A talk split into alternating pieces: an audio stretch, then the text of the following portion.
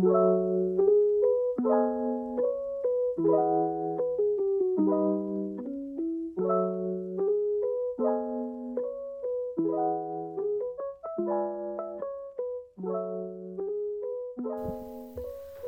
Fisheries, selamat datang di podcast High Talk. Talking about fisheries, talking about the future.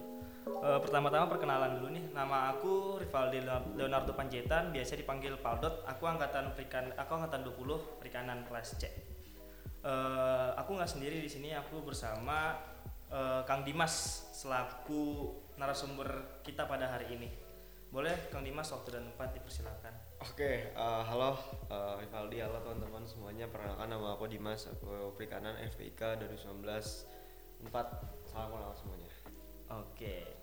Untuk topik kita hari ini nih, kita bakal bahas tentang peminatan nih Kang. Oke, Nah, pertama-tama mungkin aku mau nanya tentang peminatan Kang Dimas ini apa sih Kang? oke. eh, peminatan aku itu penangkapan, tapi sebelum lebih jauh ke penangkapan, mungkin aku mau sedikit ngobrol dulu juga untuk ada apa aja sih sebenarnya peminatan di FPK 4 ini khususnya di perikanan lah khususnya.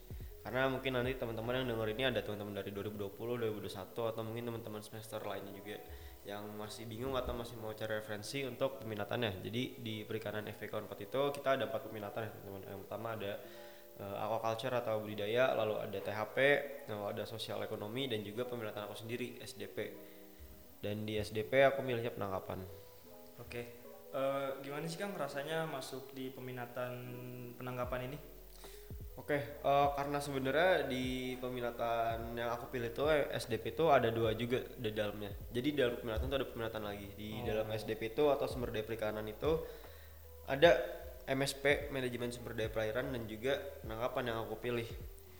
Gi- Gimana rasanya itu eh, kebetulan karena emang aku minatnya di situ dan aku emang eh, berusaha untuk dapat prospek dari situ jadi aku sejauh ini jalannya dengan baik-baik aja sih alhamdulillah. Berarti enjoy ya Kang ya? Alhamdulillah enjoy. Alhamdulillah. Nah, untuk prospek kerjanya itu kayak gimana sih Kang yang akan tahu di bidang penangkapan ini? Oke, eh, prospek kerjanya tuh luas banget ya teman-teman di bidang penangkapan. Kalau bidang penangkapan itu bisa teman-teman jadi eh, regulatornya atau yang bekerja di bidang hukum dan politiknya.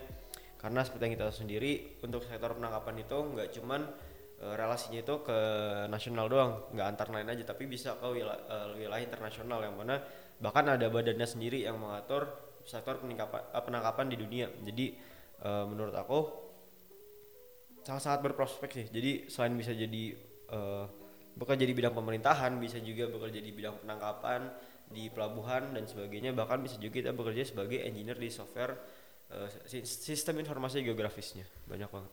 Oke, berarti bisa dibilang kalau penangkapan itu sangat luas banget ya Kang ya? Luas banget, luas luas banget untuk prospek kerjanya. Nah, untuk Kang Dimas sendiri nih, eh, ada gak sih kayak dorongan atau alasan memilih peminatan tersebut? Oke, ada ada banget sih karena eh, saat aku baru masuk FPK 4 itu aku tumbuh dan berkembang sebagai mahasiswa yang mahasiswa perikanan yang eh, melihat role model itu Bu Susi saat itu beliau masih aktif menjabat sebagai Menteri Kelautan dan Perikanan dan saat itu eh, banyak banget kasus yang kita temuin baik itu di media massa, di berita di TV, di internet saat eh, beliau dan jajarannya itu menangkap atau memberhentikan aktivitas penangkapan ilegal dari kapal-kapal asing di wilayah Indonesia. Dan dari situ aku melihat ada banget prospeknya. Jadi dari situ aku tuh pengen banget bisa aktif di situ karena dari yang aku ulik setelah itu ternyata bidang penangkapan itu nggak hanya eh, aktivitasnya tuh di nasional aja nggak cuman di antar pulau aja tapi bisa ke internasional kayak gitu. Oke, mantap. Nah, kan eh, kita sendiri tahu tuh kayak setiap peminatan itu mempunyai bidang eh mempunyai kesulitannya masing-masing tuh, Kang. Nah, kalau di dalam bidang penangkapan itu, Kang, eh, apa sih yang susah kayak yang bikin sulit dan apa yang bikin kita bisa enjoy gitu ngejalaninnya? Oke, mungkin mau aku coba bahas dari yang sulit dulu. Karena bidang penangkapan itu kita nggak selamanya ngebahas tentang alat tangkapnya, kapalnya, Oke. terus juga komoditas apa aja yang kita tangkap. Tapi kita untuk bisa menangkap komoditas tersebut ada banyak instrumen pendukung yang kita perlu pelajarin. Salah satunya itu sistem informasi geografis. Di mana mungkin teman-teman udah sempat belajar waktu oceanografi pakai software ODV, nanti kita bakal belajar pakai ArcGIS. Jadi menurut aku pribadi yang cukup sulit itu di mana kita harus bisa menguasai software-software tersebut, aplikasi-aplikasi tersebut untuk kita bisa mengolah data dan akhirnya kita bisa nemuin kira-kira fishing ground atau daerah penangkapan ikan mana yang paling strategis untuk kita melakukan aktivitas penangkapan. Uh, lalu untuk yang serunya atau yang aku menariknya itu di peminatan penangkapan itu kita juga belajar tentang hukumnya, hukum-hukum dan regulasi okay. baik itu nasional dan juga internasional. Dan karena itu hal yang aku minat juga, jadi aku suka sih di situ. Ada banyak hal baru yang aku pelajarin khususnya di bidang internasional kayak gitu. Oke. Jadi bisa dibilang balance lah Kang ya. Balance, yang susah dan yang enjoynya itu. Ya, betul. Nah, untuk praktikumnya sendiri itu kayak gimana tuh Kang? praktikumnya uh, kita lebih banyak praktikumnya itu mempelajari si apa namanya kalau dari semester 2 sebenarnya bahkan untuk bidang penangkapan pun kita udah belajar dari semester 2 waktu itu okay. kita udah belajar oceanografi itu kita belajar softwarenya waktu itu ODV kita nentuin prair, uh, kita menentukan karakteristik tiap perairan yang itu saat itu jadi kita pakai sistem penginderaan jauh kita lihat bahkan di tahun-tahun ber bertahun-tahun sebelumnya kita udah bisa tahu kondisi perairan di perairan tersebut itu seperti apa maju ke semester 3, 4 dan seterusnya kita belajar aktivit uh, alat kapal penangkapan ikan.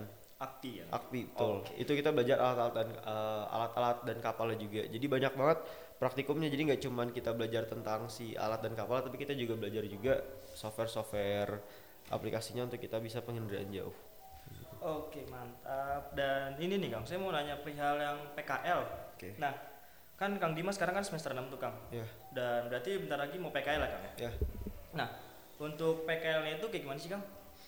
Uh, eh, PKL sebenarnya kalau secara kurikulum itu kita bebas nggak harus sesuai peminatan atau gimana. Cuman kalau dari aku pribadi, aku menganggap PKL ini sebagai salah satu kesempatan kita bisa mengenal lebih jauh tentang dunia uh, profesional, dunia pekerjaan nanti setelah kuliah. Jadi kalau aku pribadi menyarankan dan aku pun seperti itu pengennya sih PKL di tempat di mana aku memilih peminatan yaitu di sektor penangkapan atau sektor sumber daya manajemen sumber daya perairan.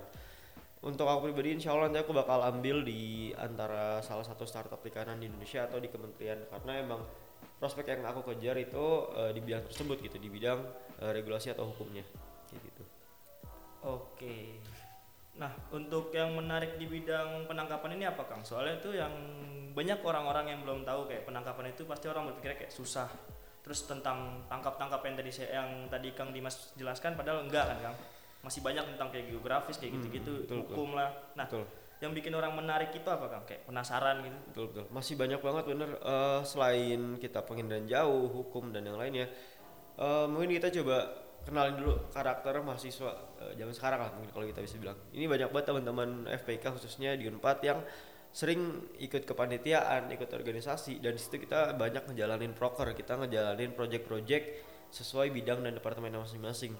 Okay. Di bidang penangkapan, at least di perikanan Unpad, hmm. kita ada salah ada dua mata kuliah itu konservasi penangkapan konservasi perikanan dan juga pengolahan sumber daya perikanan dan di situ selain belajar hukum kita juga belajar gimana caranya kita menentukan project untuk bisa melakukan project konservasi, project pengelolaan sumber daya. Maju ke semester 6 kita belajar AMDAL, analisis mengenai dampak lingkungan dan di situ kita benar-benar belajar secara secara terperinci gitu. Apa yang harus kita lakukan dan apa yang kita lakukan tersebut kita akan eh, berhubungan dengan pihak mana aja, ke mana kita harus bertanggung jawab dan dari situ outputnya adalah kita bisa memberikan dampak ke masyarakat ke lingkungan dengan belajar membuat proyek yang emang tujuannya itu ya untuk berdampak ke masyarakat dan lingkungan. Jadi cukup seru banget uh, menurut aku bidang perikanan eh bidang penangkapan karena itu menarik banget gitu sih.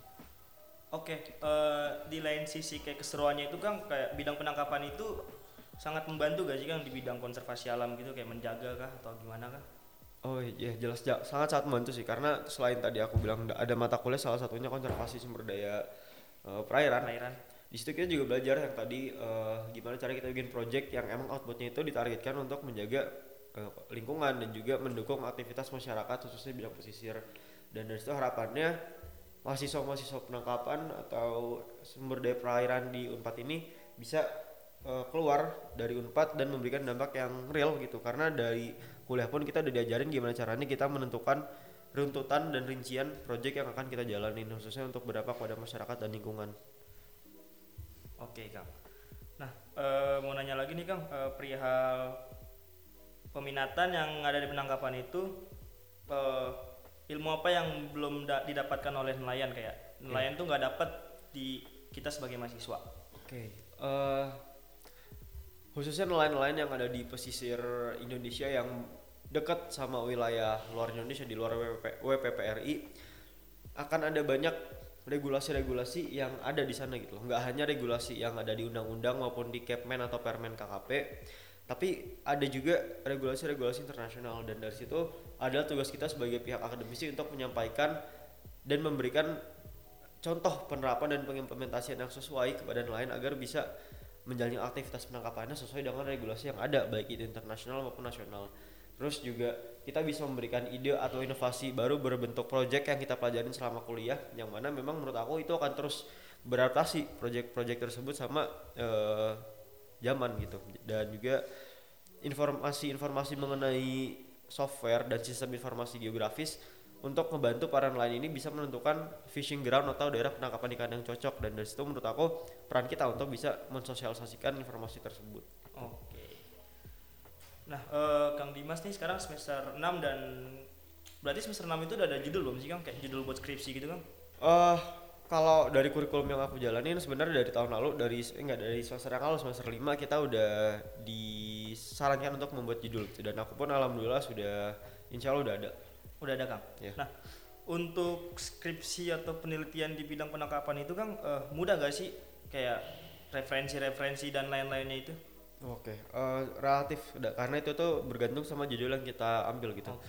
Dan itu tuh judul yang kita ambil tuh baik lagi ke minat sama uh, urgensi yang mau kita bawa.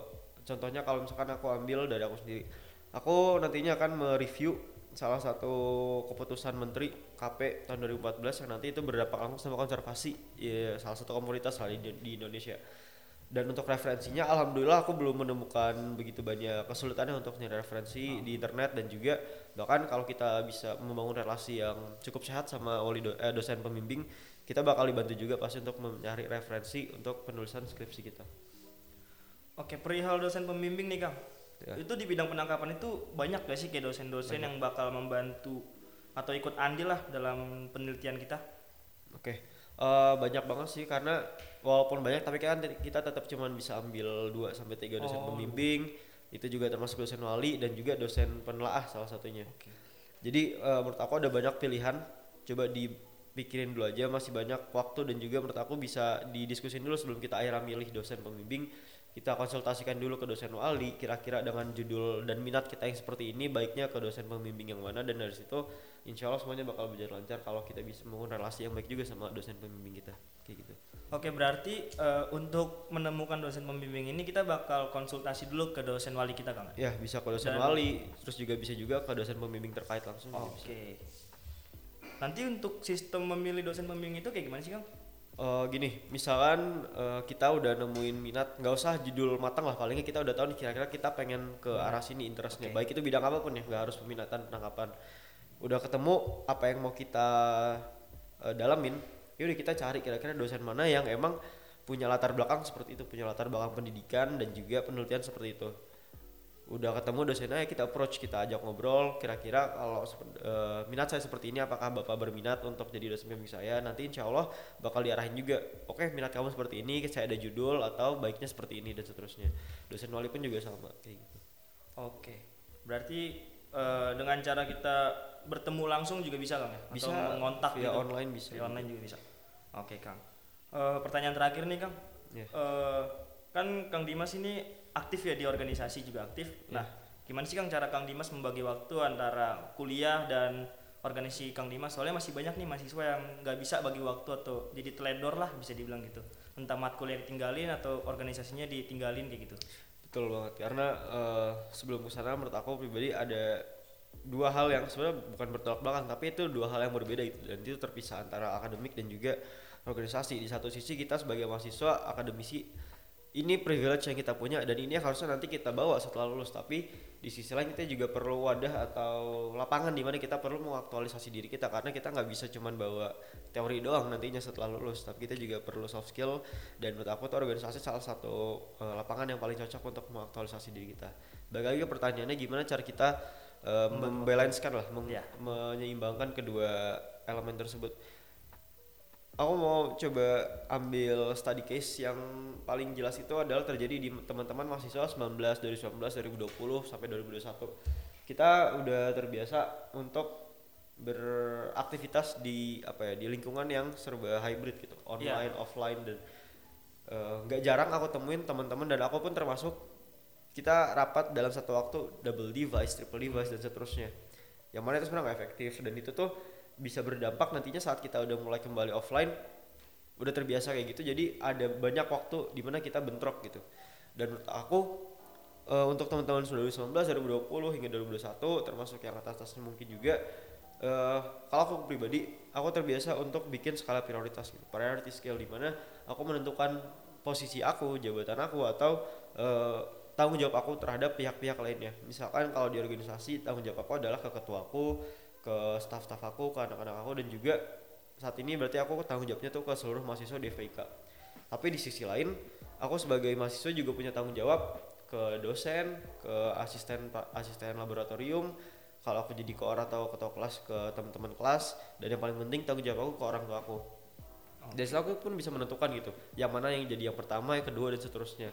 Kalau aku punya eh, apa namanya prioritas pertama itu berarti aku bisa eh aku tuh harus benar-benar ada di situ dan eh, mem- memperjuangkan untuk hadir dan menyelesaikan tugas tersebut kalau kedua ketiga dan seterusnya berarti itu aku bisa eh, mereschedule bisa mendelegasikan tugas dan seterusnya jadi eh, menurut aku dengan kita aktif kuliah itu udah pasti aktif organisasi nggak hanya kita belajar tentang soft skill seperti public speaking, uh, critical thinking dan sebagainya, tapi kita juga bisa belajar manajemen waktu karena ya kalau sebagai mahasiswa tujuan utamanya pasti kuliah sih kayak Oke. gitu.